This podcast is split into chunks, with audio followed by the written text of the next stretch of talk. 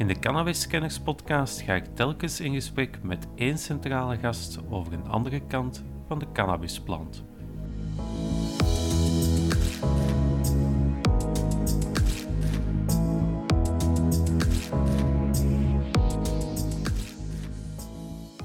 Heel veel landen die zeggen, ja maar dat is toch zo slecht niet die plant, we gaan dat reguleren, we gaan dat legaliseren. Want als mensen longkanker krijgen van tabak te roken of cannabis, is het niet van de nicotine hè, in de eerste plaats, is het niet van de THC.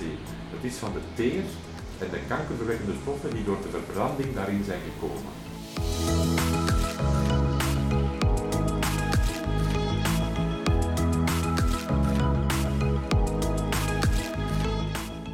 Gast in deze vijfde aflevering is Jan Tietgat, toxicoloog en co-auteur van het boek Cannabis onder controle Hoe.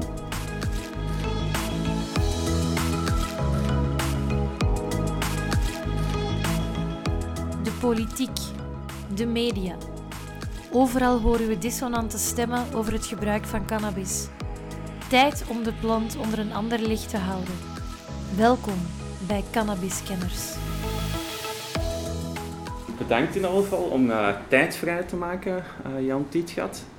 Um, ik wou u interviewen over uh, het boek dat je een aantal jaar geleden hebt geschreven met Tom de Korte en Paul de Grauwe.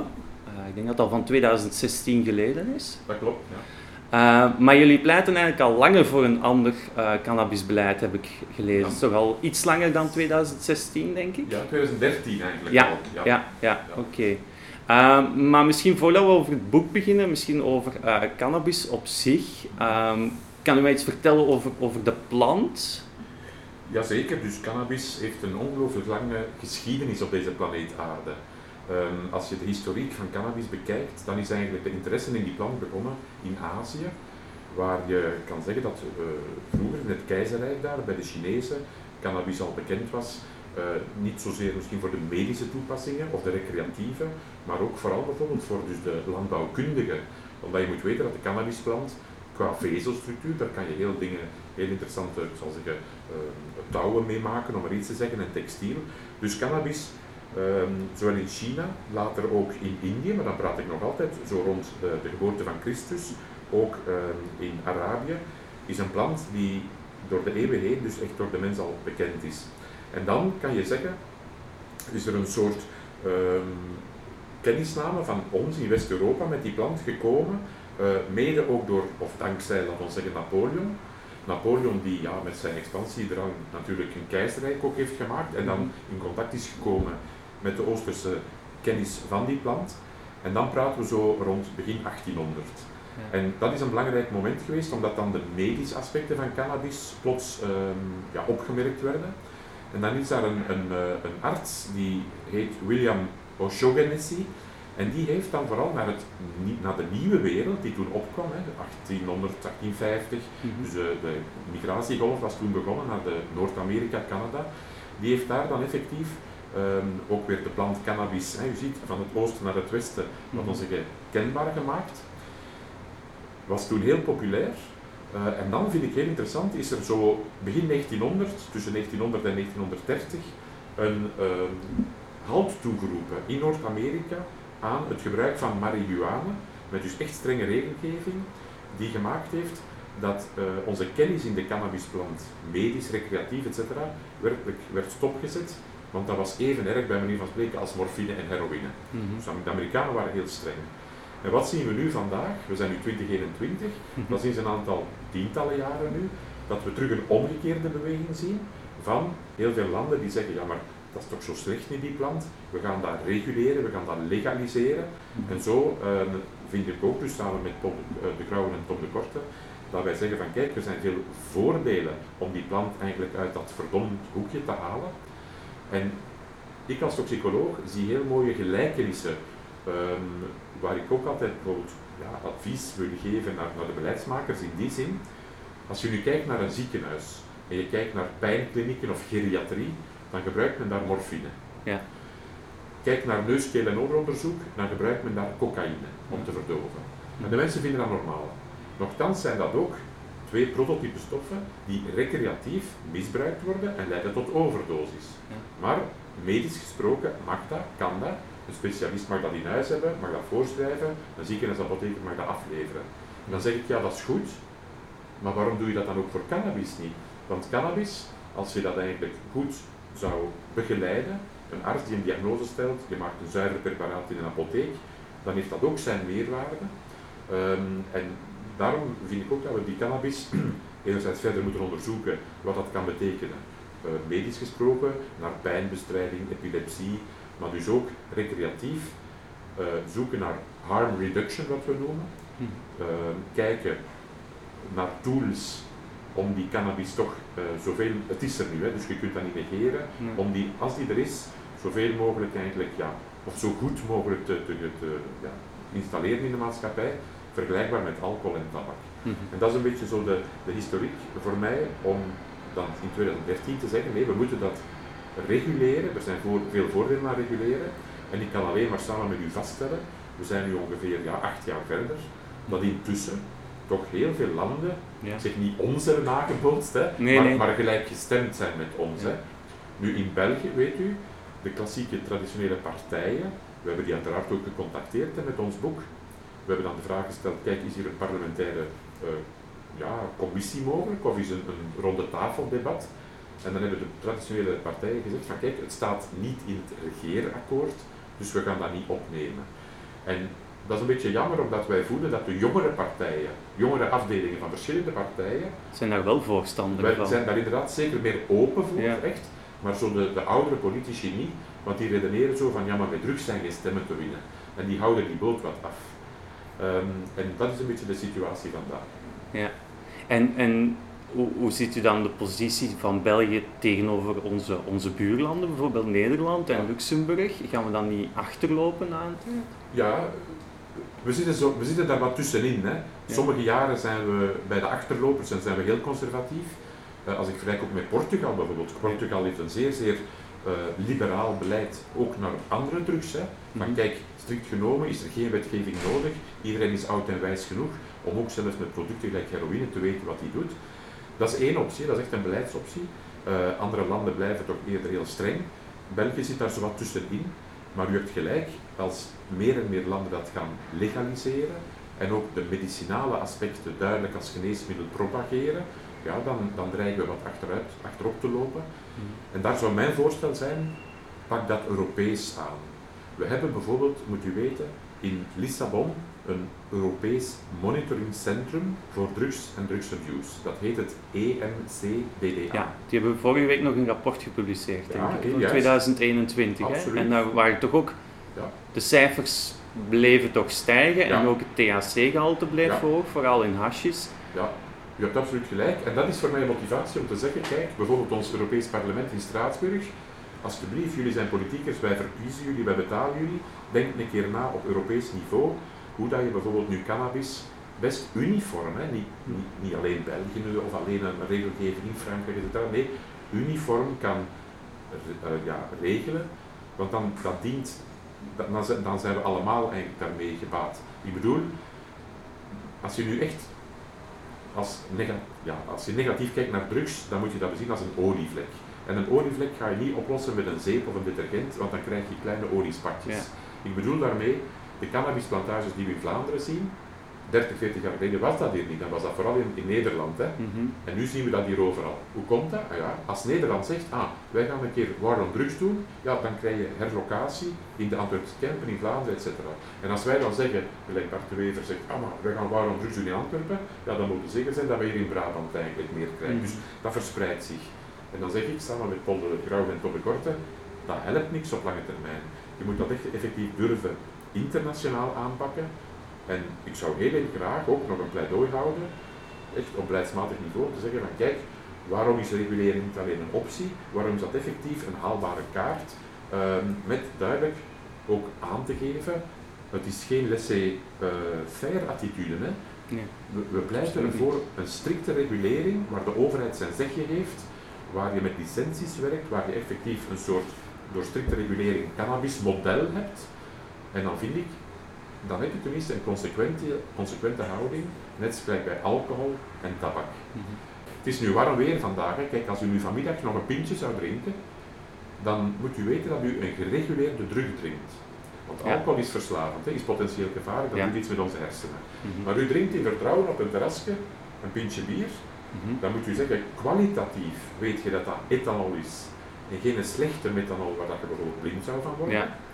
En kwantitatief weet je, oké, één pintje, daar kan ik als man nog met een voertuig besturen, want die blijft onder de wettelijke limiet. Ja. Dus dat is eigenlijk een garantie voor wat dat je daar drinkt, Mhm. dankzij reguleren. En zo zie ik ook de voordelen vanuit medisch hoek. Ja, ik ben toxicoloog, zeg je van kijk, als je cannabis gaat reguleren, dan wil dat niet zeggen dat je nieuwe gebruikers wil aantrekken, nee.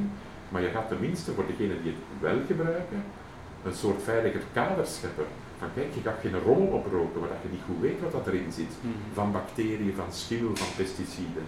Want dat analyseren wij wekelijks hier in het labo voor het Openbaar Ministerie. Dus nu doet men van die vangsten, illegale cannabisplantages, parket vraagt aan ons, analyseert dat. Ja, en wij zien van alles en nog wat wat erin zit. En dan is het jammer dat vooral de jeugd dat allemaal nu zomaar oprookt, hè, zonder zich vragen te stellen. Is daar dan ook, zoals je zegt, van die plantages zijn verschoven naar Vlaanderen? Ehm, dat is een evolutie van de laatste 20, 20 jaar, veronderstel ik. Ja. En, en ook dan in, in, in de producten, de, de cannabis zelf, wat ziet u daar dan als evolutie in? Sterker? Hoe, hoe moet ik het mij dan voorstellen, die Ja. evolutie? Dus geografisch is er terecht, zoals u zegt, een spreiding ge- gekomen. Mhm. Maar dat is logisch, hè. als er één land zegt wij gaan strenger zijn, dan verspreidt zich dat. Dus dat is ook in Vlaanderen voorspelbaar. Als Antwerpen zegt heel de stad, wij gaan waar on drugs doen, dan garandeer ik dat dat de rest van het land eigenlijk het, het gelag gaat betalen. Ja. En dan wat de sterkte betreft, er is inderdaad een, een, een trend, ik zou zeggen geweest vooral. Ehm, als ik nu vergelijk, zo'n 30 jaar geleden, dat was een klassieke joint, hè, om dat als Mhm. voorbeeld te nemen. Een joint bevatte bijvoorbeeld ja, 6, 7, 8 procent THC, hè, dat is Ja. het psychoactief bestanddeel. Ja. Nu zien we sommige joints waar dat het dubbele is, of het driedubbele, dus dan praat je over 15%, soms 18% THC. Ja. En op zich is dat wel gevaarlijk. Waarom? Als je nu een scholier bent en je zegt zo heimelijk, ik wilde toch eens je eerste joint kopen, en je hebt de pech dat je zo'n fameuze Belgo-wiet of nederwiet koopt, dus de strafste varianten, die bijvoorbeeld 19% THC bevat, en je hebt nog nooit gerookt, wel, zeg maar zeker dat je een dag of twee psychoses doet. Hè. Je gaat er echt, echt zwaar van hallucineren. Dat is niet goed. Je gaat niet overlijden, gelukkig. Dus met cannabis ga je geen overlijden hebben met overdosis zoals bij heroïne. En dat is voor mij mijn medische reden om te zeggen, ik wil cannabis reguleren, maar niet verder dan dat. U gaat mij morgen niet horen zeggen dat ecstasy, cocaïne en heroïne moet gereguleerd worden, want ik vind dat te gevaarlijk, omdat je dus met een overdosis geen tweede kans hebt, Mhm. bij cannabis wel. Maar dus de sterkte van een joint is inderdaad over de laatste jaren gestegen, met alle risico's van dien. Maar ik voorspel ook dat dat niet blijft stijgen. Want als u en ik dealer zijn, hè, dan hebben wij graag Tevreden klanten. tevreden klanten. Het draait allemaal om marchandise, klanten en geld. Mhm. En dus als je een preparaat blijft nadenken van dat altijd maar sterker wordt, en dat de mensen zeggen van ja maar hier heb ik niet meer veel plezier aan, ik ben Mhm. compleet psychotisch, Nee. ik ga niet meer bij u kopen, ja dat, dat is ook niet. Dus dat gaat ergens stagneren. En wij hebben hier inderdaad ook klassieke eh, jointpreparaten die terug wat minder zijn, maar er is inderdaad historisch wel een trend geweest. Ja. Mhm. Mhm. Ehm, omdat u zelf ook al aanhaalt, het, het deel van psychoses, ehm, dat wordt in de media heel vaak als, als voorbeeld gebruikt om het niet te legaliseren en te reguleren. Klopt het dat het iets ingewikkelder in elkaar zit dan enkel de THC-gehalte? Of eh, is het enkel de hoogte van de THC of spelen daar ook andere stoffen een rol, zoals Ja. CBD en dergelijke? Er is zeker een interactie, maar we weten daar het fijne niet van. Als je nu cannabis bekijkt als geneesmiddel, dan weten we wel bijvoorbeeld dat THC samen met het CBD moet aanwezig zijn. Ja. Dus mensen die nu in een weedshop bijvoorbeeld zo'n medicinale cannabis Ja. kopen met druppeltjes Ja. en die zeggen, ah ik ga dat gebruiken tegen, tegen migraine, tegen spierpijnen, dat werkt niet. Dat is heel bizar. Hè? Dus CBD heeft THC nodig. Oké. En de CBD gaat ook helpen dat de THC niet te fel psychoactief is. Dus dat zijn broertjes en zusjes die elkaar eigenlijk helpen. Ja. Hoe dat, dat juist allemaal in zijn werk gaat, is nog niet duidelijk, dat klopt. En dan heb je nog eens in de cannabisplant wat wij noemen moleculen die terpenoïden noemen. En terpenoïden zijn heel vaak niet zo goed wateroplosbare stoffen die de plant aanmaakt en die heel aromatisch of geurrijk zijn. Ja, het geeft de geur aan de Ja. cannabis eigenlijk. Voilà. En kijk ook naar de anijsplant. Als je zo'n pastis drinkt, hè, Ja. dat is heel typisch van geur. Hè. Ja, wel, dat zijn allemaal terpenoïden die die geur geven. Waarom zeg ik dat? Omdat ook die stoffen een farmacologie hebben. Een aantal wetenschappers zeggen, ja, maar die werken ook bijvoorbeeld tegen ontstekingen. Dus als je nu effectief een soort extract maakt van een cannabisplant en je, je, je drinkt dat op, ja, zijn maar zeker dat je daar ongelooflijk veel actieve soorten stoffen ineens opneemt. En we kunnen echt, we moeten heel nederig zijn als wetenschapper, we weten niet altijd wat dat die stoffen op elkaar doen. Hoe ze- Hoe ze op elkaar inwerken. Ja. Maar, maar de psychose, het is wel duidelijk, Ja. THC alleen, hè, Mhm. neem je een joint met echt, echt een heel hoge THC-concentratie en weinig of niks van het andere, Mhm. dan zullen de psychoses hebben. Dus dat is ook wel bekend. De THC is het prototype molecule, we noemen dat een agonist, Mhm. om op eiwitjes in de hersenen in te werken en daar vooral ja, hallucinogene eigenschappen te, te, te- uit, uit te lokken. Dat is, dat is bekend. Hè. Dus dat is voor u eigenlijk ook een reden om het te reguleren, dat je dan die verhoudingen tussen de verschillende stoffen kan, kan bepalen en, en ook aan de klant of de consument Ja. meegeven. Absoluut. Ja. Je zou kunnen denken aan een weedshop die Ja. gecontroleerd wordt ook door Mhm. inspecteurs gelijk het voedselagentschap. Hè. Ja. En waar een weedshop zegt, kijk, ah, u bent klant, u bent meerderjarig, we checken dat even, u gaat geen voertuig besturen, etc. Ja. We hebben hier drie categorieën. Mhm. We hebben eentje die heel mild is, Mhm. als je zou willen afkicken bijvoorbeeld. Hè. We hebben eentje dat medium is en we hebben er sterke. Ja. Maar dan heb je tenminste een kwaliteitsgarantie. ja, dan heeft de klant ook, ook de keuze waar, waar die voor gaat. Hè? Ja, exact. Ehm, ja, het, het, het, het voorbeeld van, van cannabis, als je bijvoorbeeld in Nederland naar een koffieshop gaat, daar is niet één soort cannabis ook, daar heb je heel veel verschillende soorten. Ja. Ehm, is dat dan te herleiden tot één basisplant? De cannabisplant is heel uniek qua genetica. Mhm. Dus je kan chemovariëteiten delen, net zoals bijvoorbeeld iemand die graag een paarse tulp ziet, allemaal, hè, Ja. eh, dus eh, ja, verhoudingen gaat maken. Hier bij de cannabisplant ook. Dus je kan effectief zeggen, kijk, wij gaan die genetische variant van cannabis telen en we garanderen nu dat die bijvoorbeeld geen THC produceert, Mhm. weinig of veel. Dat kan je echt genetisch zo maken. Hè. Mhm. Mhm. Op basis daarvan zeg ik, "Ah, maar dat is fantastisch, gebruik die kennis. Want in het Verenigd Koninkrijk bijvoorbeeld gebruikt men licenties in het ministerie van Landbouw om grote landbouwbedrijven toe te laten niet de cannabis te kweken, maar de hennep. Gewoon de hennep hè, voor de vezelstructuur. En wat maakt men daarvan? Zeilen, canvas dus, eh, Ja. papier, Mhm. isolatiemateriaal voor woningen, dat is fantastisch. En toch zijn die mensen niet bezig met iets illegaal, laten we zeggen, psychoactief te maken. Kan dat in België? Kan je hier in België hennep produceren?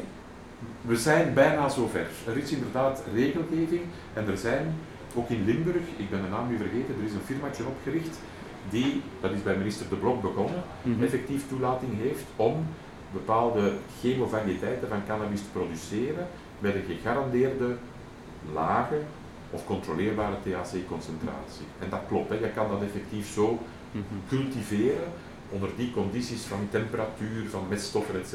Met die genetische variant, dan klopt het. Maar dan kom ik terug op uw basisvraag. Stel je voor, wij gaan naar Holland, hè, we gaan naar een coffeeshop. Dan kies je gewoon wat je wil en die gehaltes dan aan THC of CBD kunnen variëren. Mhm. En dan kan je daar bijvoorbeeld een thee van maken, of je kan zeggen nee, ik ga dat wat versnijden en als een joint oproken. Ja. Dat is eigenlijk heel, allee, dat is breed in het toepassingsgebied. hè. Mhm. Om, om daar misschien eventjes bij stil te staan op de manieren hoe dat je cannabis kan consumeren en de voor- en natuurlijk ook de nadelen voor de gezondheid. Misschien beginnen met de meest gebruikte manier om cannabis te consumeren. Dat is inderdaad versnijden met tabak in een joint. Is, is dat een slechte manier en waarom is dat een slechte manier? Een goede vraag en ook de stelregel en het antwoord is heel, heel duidelijk, nooit, nooit roken.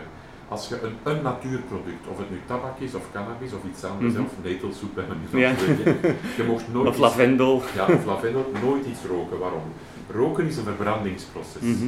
En als je natuurproducten gaat verbranden, krijg je, wij noemen dat pyrotoxische stoffen, dus echt kankerverwekkende stoffen, die een soort teer zijn. Hè. Als je Mhm. rookt, krijg je teer. Ja. En in die teer zitten echt kankerverwekkende stoffen.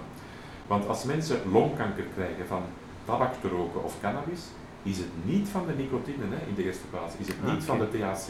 Het is van de teer en de kankerverwekkende stoffen die door de verbranding daarin zijn gekomen.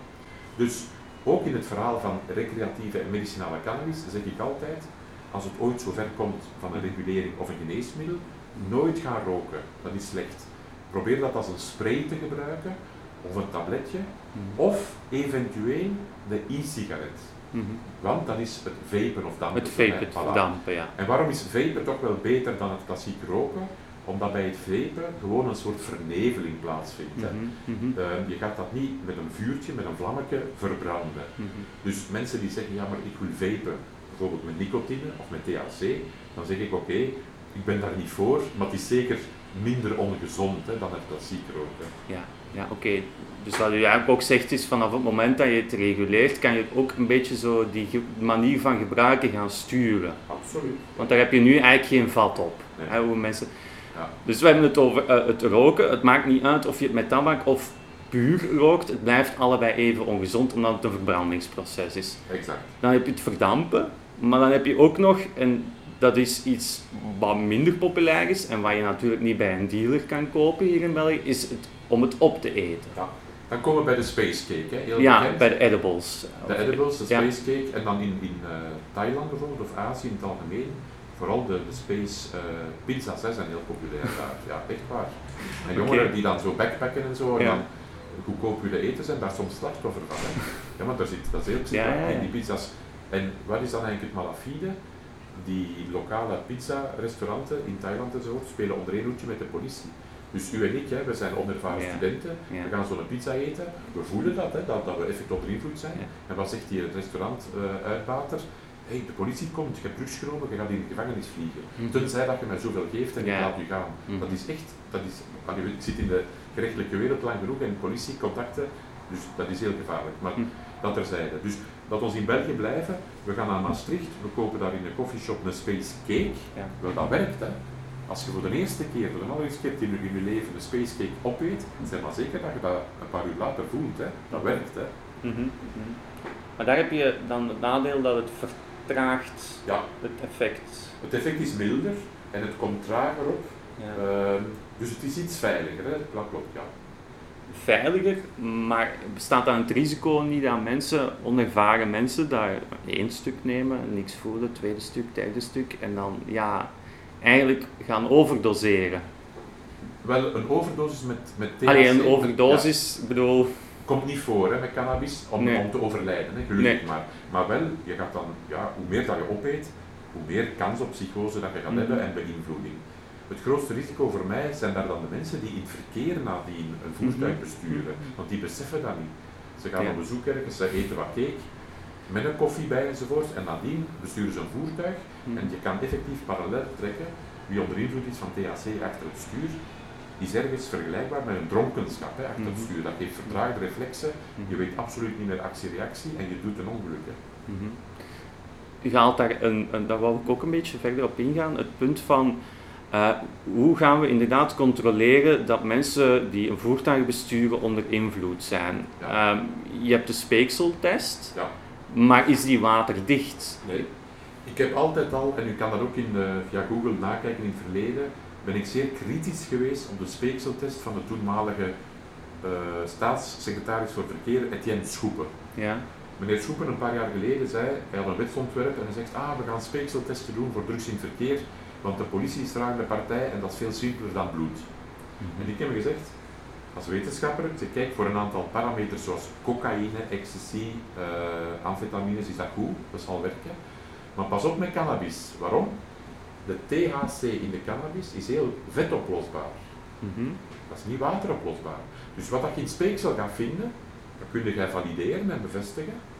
Maar als je iets in speeksel vindt bij de chauffeur, laat u dat niet toe te besluiten dat hij onder invloed is. Want het kan op dat ogenblik in speeksel zijn en niet in de hersenen, dus die kan heel heel verstandig rijden. Mhm. En ook omgekeerd bestaat het. Dat het uit het speeksel is weggetrokken, maar op dat ogenblik in zijn hersenen zit en dat hem juist een gevaarlijke chauffeur is. Ja. En ik heb toen al gewaarschuwd, zeg opgelet, de validiteit van die speekseltest is misschien puur technisch inderdaad gewaarborgd. Je gaat dat analytisch kunnen tonen, maar ja, dat stofje zit erin. Maar dan laat u niet toe als wetenschapper om te zeggen, eh, bent u onder invloed een voertuig aan het besturen. En daar gaat het toch om om de speekseltest te Ja, om dat te kunnen valideren. Voilà. En dus, dat is een hiaat. En ik word nog altijd, vandaag de dag, gecontacteerd door betrokkenen die met de rechtbank zo'n dispuut hebben en waar advocaten tegen mij zeggen, ja, kunnen we daar niet tegen ingaan? En dan zeg ik, ja, er is echt wetenschappelijke evidentie om te bewijzen wat ik zeg. Maar wat zegt een politierechter dan? Ja, ik kan daar wel begrip voor hebben wat president Ditgat daar zegt, maar de wet is de wet. En we, Ja. zitten, en we zitten vast. En dat is echt jammer, hè, want dat is eigenlijk een, een soort verkrachting van de wetenschap. Ja, want dan ga je eigenlijk mensen ook onschuldig eh, een, een, een straf opleggen. Absoluut. En ook omgekeerd. Hè. Mhm, Mensen die mhm. Negatieve speekseltest en effectief onder invloed waren. Ja, ja, Ja. oké. Ehm, ja, jullie hebben dat boek inderdaad geschreven in 2016 vanuit het idee, de titel was, zei het eigenlijk zelf ook, cannabis onder controle. Het is een probleem Ja. dat uit de hand loopt. Ja. Het boek is vijf jaar geleden verschenen. Vijf jaar is toch al een redelijke tijd. Ja. Heb je het gevoel dat er enige beweging in zit in die afgelopen vijf jaar? In eigen landje helaas niet. Internationaal toch wel. Ja, We voelen ons internationaal duidelijk geruggesteund. Hè, zoals ze zeggen, ja, dat, dat anderen, ook beleidsmatig, hè, denk aan Canada, denk aan Japan, denk aan Mm. verschillende staten in Noord-Amerika, toch wel eenzelfde visie delen. Mhm. In België of Vlaanderen helaas niet. Eh, maar wat, niet is, kan nog komen, zeg ik altijd. En de, internationaal gezien zijn er ook een paar, vind ik, slechte voorbeelden van legalisering. En ik wil mij- Ja, je. ja. Dus de regulering en legalisering waar allee, wij al met drie toch voor staan, is eentje van strikte regulering, waar je in een XI-curve, je, dan heb je zo'n U-curve in die Mhm. XI-curve. En wij willen landen in die, in die bodem van die U. Mhm. En dat wil zeggen dat je probeert met harm reduction een, een beleidstoel te zoeken waar dat er zo weinig mogelijk nadelen zijn voor individu en maatschappij. Mhm. En als je op die x-as helemaal naar links gaat, dan gaat het terug naar boven in die u. En dat betekent dat als je enorm gaat reglementeren, waar on drugs, ja, dan gaat het crimineel milieu weer laten floreren. Ja. Dat, dat Dan blijft er een zwarte markt bestaan. ja, dat, exact. En dat hebben we nog gezien met cocaïne, heroïne, dat gaat nooit uitroeien. Mhm. Dat wilde niet.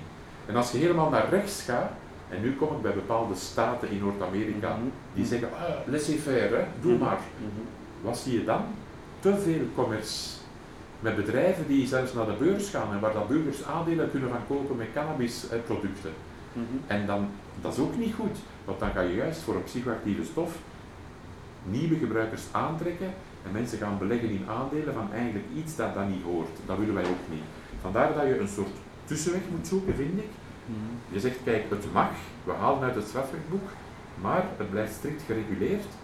En als de mensen er geen problemen mee hebben rond alcohol en met tabak, want er is toch ook regulering, hè, met accijns enzovoort, waarom dan ook niet met cannabis?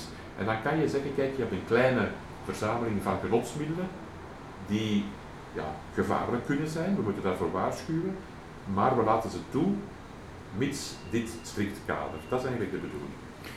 Dus wat u zegt is van, we, we, mogen niet de vergissing maken die we eigenlijk met alcohol en met tabak zoveel jaren hebben gemaakt, waar dat de commerce de overhand heeft gekregen.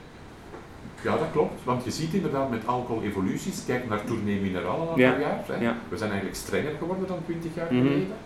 En met het roken ook. Hè. Mhm. Onze voorouders, bijvoorbeeld onze grootouders of eh, vaders, die, die rookten hè. De, de typische rookkamer, hè. de sigaretten. Ja, en op de trein heb ik zelfs nog geweten. Voilà, en op de treinen en zo, dat mag allemaal niet meer. Dus je ziet ook trends, dan zegt je maar, oh, dat is toch niet zo gezond en niet zo. Mhm. Dus ik, ik weet dat Bart de Wever daar bijvoorbeeld een andere visie op heeft. Ik heb Mm. met hem eens een keer in de knak gediscussieerd over Ja, ik heb het cannabis. gelezen, ja. En hij zei toen ook van, ja maar, eens dat je iets toelaat voor een drug, kun je nooit niet meer terug. Ik zeg, dat klopt niet. Dat is niet Dat klopt niet. Want kijk naar tabak, daar zijn we nu Ja. toch veel strenger geworden dan vroeger. Dus we zijn wel degelijk teruggekomen. En dus met cannabis vind ik ook, waarom niet de moeite nemen om eens het geweer van schouder te veranderen en te zeggen, kijk, we gaan nu bijvoorbeeld voor vijf jaar reguleren en toelaten. En dan zouden we moeten eigenlijk als volwassenen in staat zijn om te zeggen, we gaan dat herevalueren. Mhm. Mhm. En dan kijken, bijvoorbeeld na vijf jaar, zijn we erop vooruit gegaan of niet. En als dat niet mocht zijn, hè, dan moeten we ook durven toegeven, oké, het, heeft niet gewerkt, we gaan het terug strenger maken. Mhm.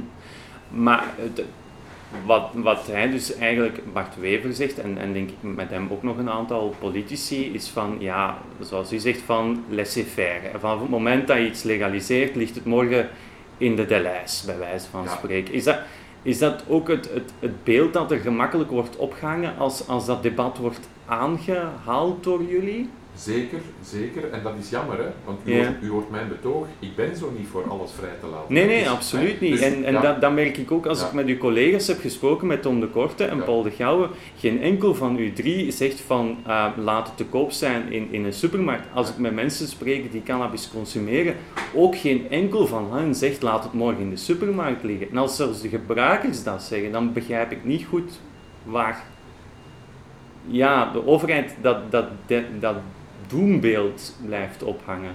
Klopt. Klopt. Ik, ik, mijn aanvoelen is, maar ik ben geen politieker, hè? Nee, dat is dus dat, dat ja, een politieker die om de vier jaar stemmen moet hebben, dat hij of zij aanvoelt van kijk, met drugs in het algemeen zijn geen stemmen te winnen. Dat is een zodanig delicaat topic waar dat je bij de jongeren meeval zult hebben, bijval, Mhm. en waar de ouderen zeggen, ja maar nee, nee, dat is allemaal verderf en sterf. En dus een politieker waagt zich daar niet aan. Mhm. Dat is mijn gevoel. Maar je zou nu toch denken, in een periode, we hebben nu een coronacrisis van anderhalf jaar meegemaakt, waarbij er eigenlijk ja, de politiek een stap terug heeft gezet voor de wetenschap. Waarom zou men dat bij dit topic dan niet kunnen? Ja, ik geef u gelijk. Je zou dat moeten kunnen. Uiteraard moeten zij natuurlijk het, beleid bepalen, hoe, hoe dat ze het vormgeven, maar de, Ja. de, de wetenschap en, en het, het argument, en dat wou ik aan u ook een beetje vragen, dat, dat mensen ook aanhalen om te zeggen we gaan het niet reguleren, is vaak van we hebben al 700.000 alcoholverslaafden in België, moeten we daar nu nog eens cannabis bij doen? Wat vindt u van dat argument? Dat is een argument van stilstaan. Hè. Dat is eigenlijk een argument van, van schrik hebben voor verandering. Ja. Ehm, we moeten oog hebben voor dus de problematische gebruikers bij cannabis, maar ook de alcoholici. Ja. Die mensen moeten geholpen worden. Mhm. Ik denk met ons systeem, ons voorstellen, gaan er juist middelen vrijkomen om mensen te helpen en preventief te werken. Waarom vrijkomen? Omdat je dankzij reguleren niet meer geld moet steken in politieonderzoek, Mhm. in beslagnames, deskundigenonderzoek, rechts, rechtszaken. Mhm. Dus daar komt toch wel wat geld vrij. Probeer dat budget in preventie te steken, mensen te helpen die Mhm. effectief nood hebben, want er is een grotere vatbaarheid bij sommigen, niet alleen voor depressies, eh, uiteraard ook voor geneesmiddelengebruik en druggebruik. Dus die mensen moeten we dan met die middelen die vrijkomen helpen. Zo zou ik het zien. Mhm, mhm. Oké, dus dat er meer budget naar, naar hulpverlening zou Ja, kunnen een gaan. soort shift van budget. Ja. Ja. Omdat u zegt van ja, ik kom ook heel vaak, ik doe ook eh, onderzoek voor, voor, voor het gerecht. Ehm, kan u een schatting maken van hoeveel dat er eigenlijk van het illegaal middelenmisbruik, hè, waar gerechtelijk onderzoek naar wordt gedaan, eh, aanhoudingen, Ja. zeg maar iets, hoeveel percentueel gaat daar over cannabis? Vrij veel hoor. Het is een goede vraag. Ik heb dat een keer, nu moet ik eens kijken of ik het hier nog van buiten Ja. Het is al een paar jaar geleden. Samen met Tom en Paul hebben we dat berekend. Er is een getal van bekend en dat is vrij veel hoor. Maar excuus dat ik nu. Nee, nee, nee, Maar dat is vrij veel. Dus het is een significant aandeel. Als je nu de middelen van justitie ziet, die Hm. strafzaken die dan effectief naar drugs gaan en cannabis, Mhm. dat is zeker het belangrijkste deel, dat klopt. Mhm. Ja, maar ik kan er nu geen getal meer op plakken. Mhm. Ja. En hebt u dan ook een idee van, ja, want dat vroeg ik mij ook een beetje af. U zegt, we krijgen hier stalen binnen van, van voor een Waarom worden die bij jullie bezorgd? Want het Ja. is toch cannabis? Dat, nee, nee, nee. Wel, ik begrijp uw vraag, maar zo simpel is het niet. Eh beelden we in hier in de streek van Leuven wordt een illegale plantage ontdekt. Mhm. De politie doet een uh, inbeslagname. De magistraat van dienst, een substituut meestal, hè, die zegt dan oké, neem eens bemonstering, want ik moet een wetenschappelijk bewijs hebben om juridische veroordeling te kunnen doen. Mhm. hè. En als, stel je voor dat dat niet onderzocht wordt. Hè. Mhm. En wij zijn eigenaar van die plantage. En wij moeten naar de rechtbank komen, we worden op matje geroepen en wij zeggen doodleuk, maar er stonden gewoon wat netels, hè. Dat, is heel, dat is helemaal geen cannabisplant, er stond gewoon wat netel Ja. en ik maak netelsoep. Hm.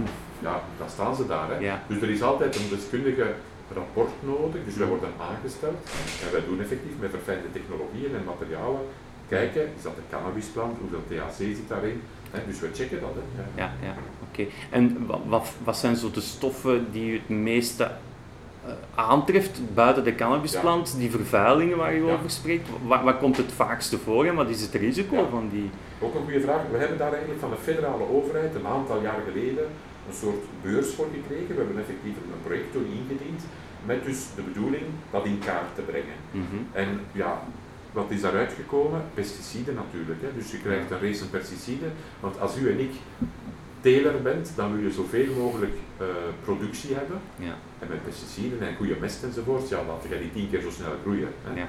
Nu, die pesticiden hoeven niet per definitie schadelijk te zijn, maar u begrijpt ook, dat zijn geen planten die de veiling passeren, gelijk een komkommer of een tomaat, en die op veiligheid worden nagekeken door het voedselagentschap. Hè. Ja. Dus dat is een criminele wereld. Dus als die dan daar die cannabis laten drogen, nadien in een joint rollen, they don't care of dat er nog residu's zitten van gigantische concentraties of niet. Mhm. Dus we vonden altijd een aantal typische herbiciden, insecticiden, dan zware metalen die afkomstig zijn ook van, van de bemesting. Hè. Mhm. Ehm, soms ook bacteriële verontreinigingen, want ja, die producten beginnen te schimmelen enzovoorts. En je mocht die bacteriën niet onderschatten. Als bacteriën toxines beginnen produceren, denk aan bedorven voedsel, dat is, dat is echt heel toxisch. Hè. Mhm. En dat wordt allemaal maar opgerookt. Mhm. Ja, oké. Ehm, ja, dan naar de toekomst. Ehm, denkt u dat het in België tussen dit en een aantal jaar, dat, dat want ja, de verkiezingen zijn nog ver, hè, 2024 is nog, nog een heel eind. Ja.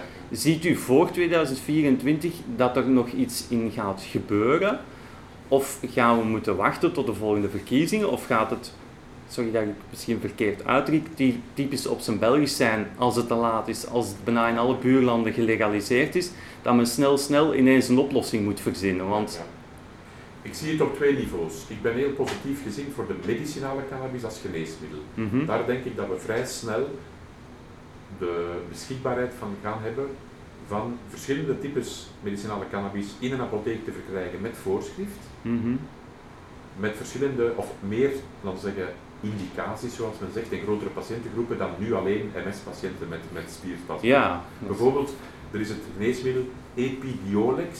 Mhm. Epidiolex, dat is nu op de markt, sinds een paar maanden, misschien een jaar ongeveer, waarbij ehm, zowel in Amerika als in Europa dus een eh, goedkeuring is van het, kan, het CBD-preparaat, 98% CBD en nog 2% iets anders, waar ze niet over spreken, maar goed.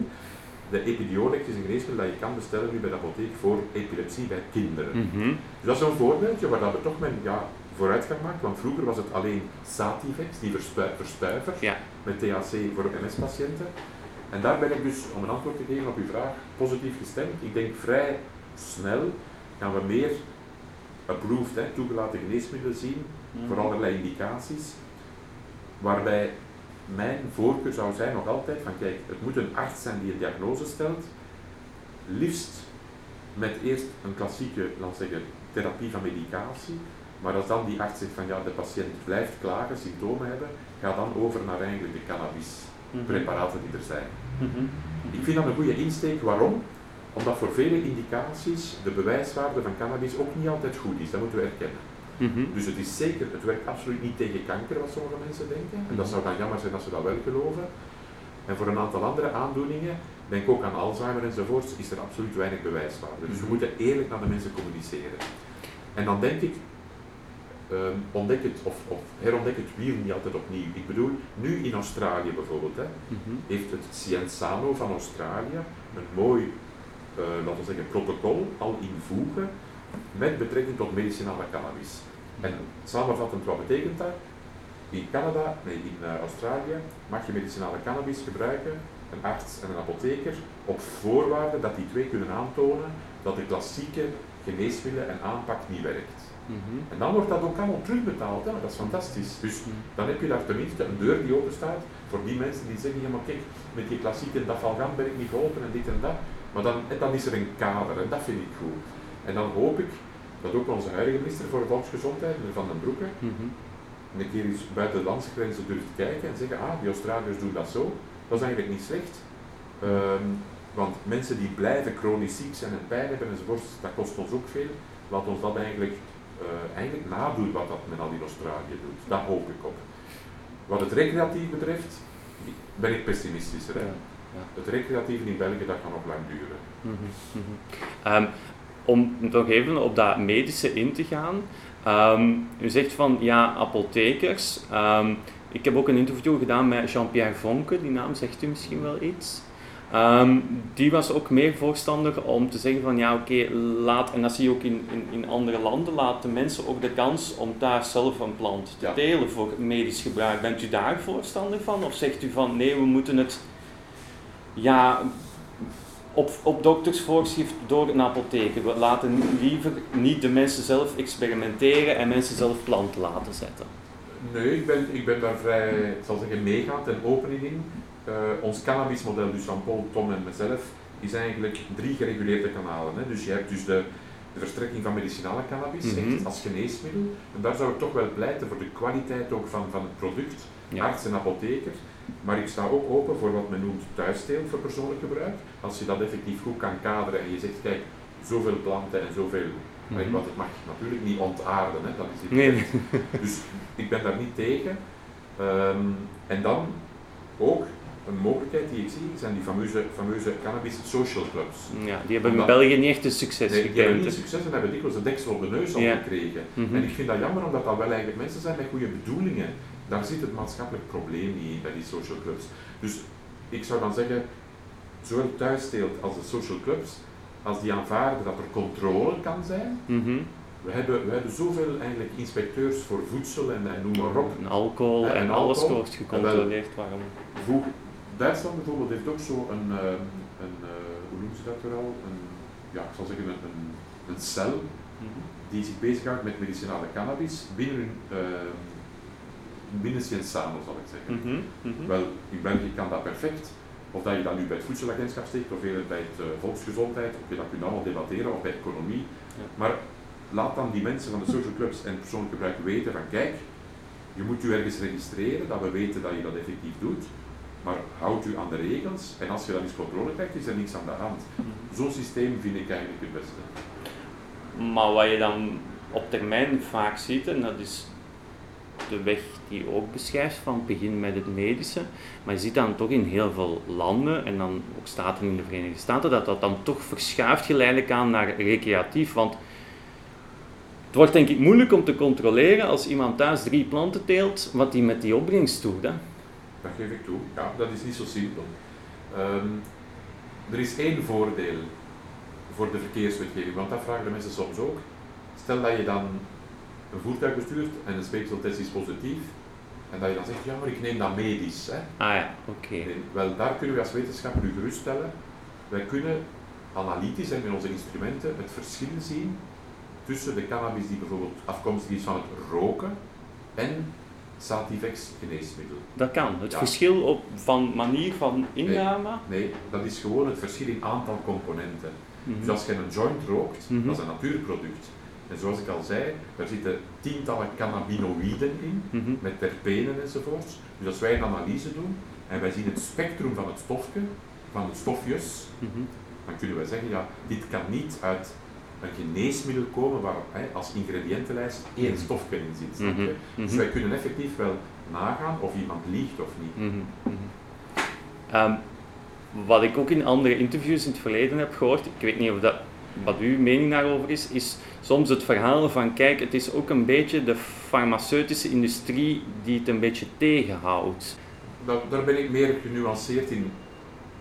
Waarom? Waarom? Ik geloof ik dat niet helemaal, dat verhaal. Ik ga het voorbeeld geven van morfine en codeïne. Mhm. De farmaceutische firma's die nu hoestsiroop, codeïne op de markt brengen en morfine, weet je dat die nog altijd vertrekken van de papaverplant? Omdat dat economisch nog altijd het meest gunstig is eerder dan echt alles van A tot Z te synthetiseren. Mhm. En die moeten daar natuurlijk zware vergunningen voor aanvragen en gecontroleerd worden. Ja. Maar dat is, een, dat is een voorbeeld dat zelfs het morfine en dan daarna heroïne en codeïne eigenlijk nog altijd ja, uit de natuur getrokken wordt. Ja. En je mag, ik geef dikwijls ook voordrachten waar ik zeg, drugs, vriend of vijand, vraagteken. En dan zeg ik altijd aan de mensen, ons lichaam reageert puur scheikundig. Hè? Mhm. En ons lichaam gaat kijken naar een stofje. Maar gaat zich nooit afvragen, komt dat nu uit een plant of heeft de mens dat gesynthetiseerd? Mhm. En onze kennis van psychoactieve stoffen is ongelooflijk verweven met de natuur.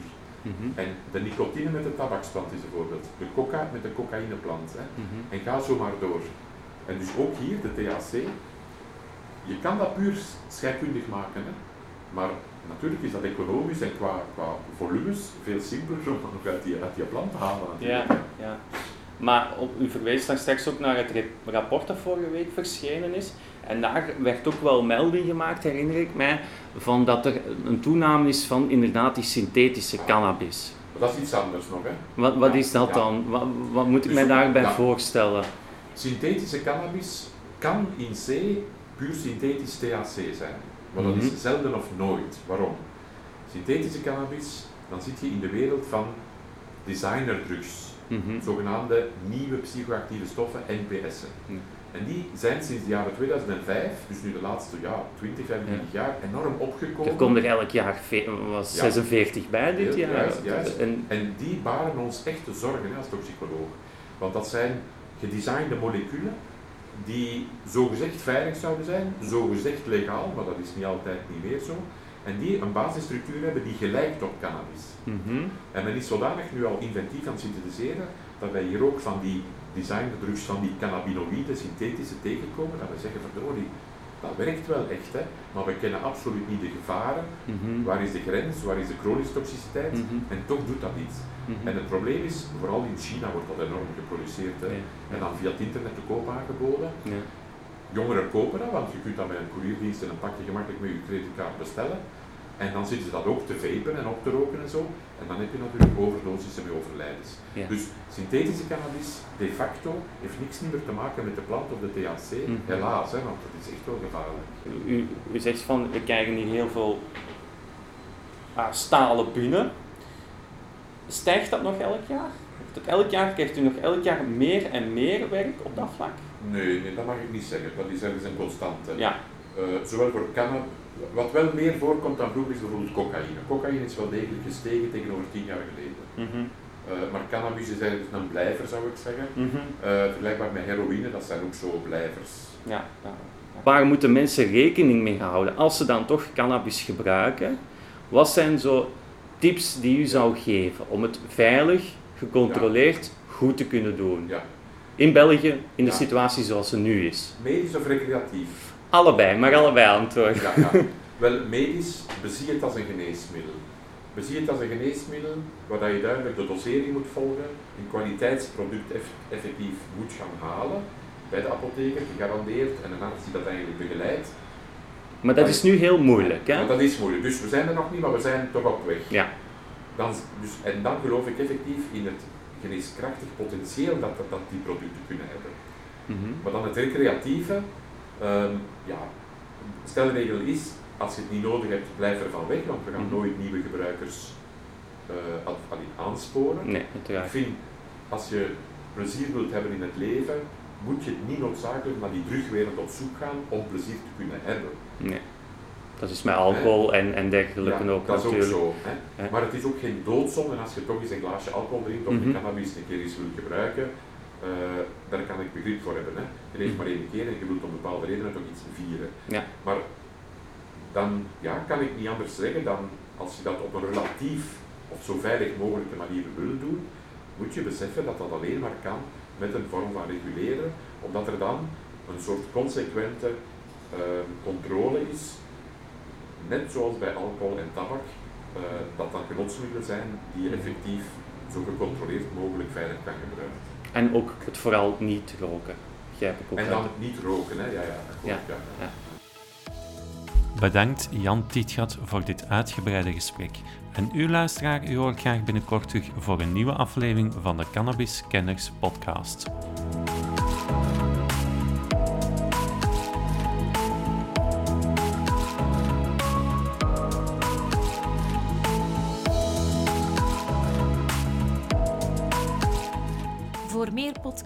Ga naar www.cannabiskenners.be of voeg Cannabiskenners toe in je favoriete podcast-app. Heb je een vraag of wil je graag iets delen? Mail dan naar info.cannabiskenners.be.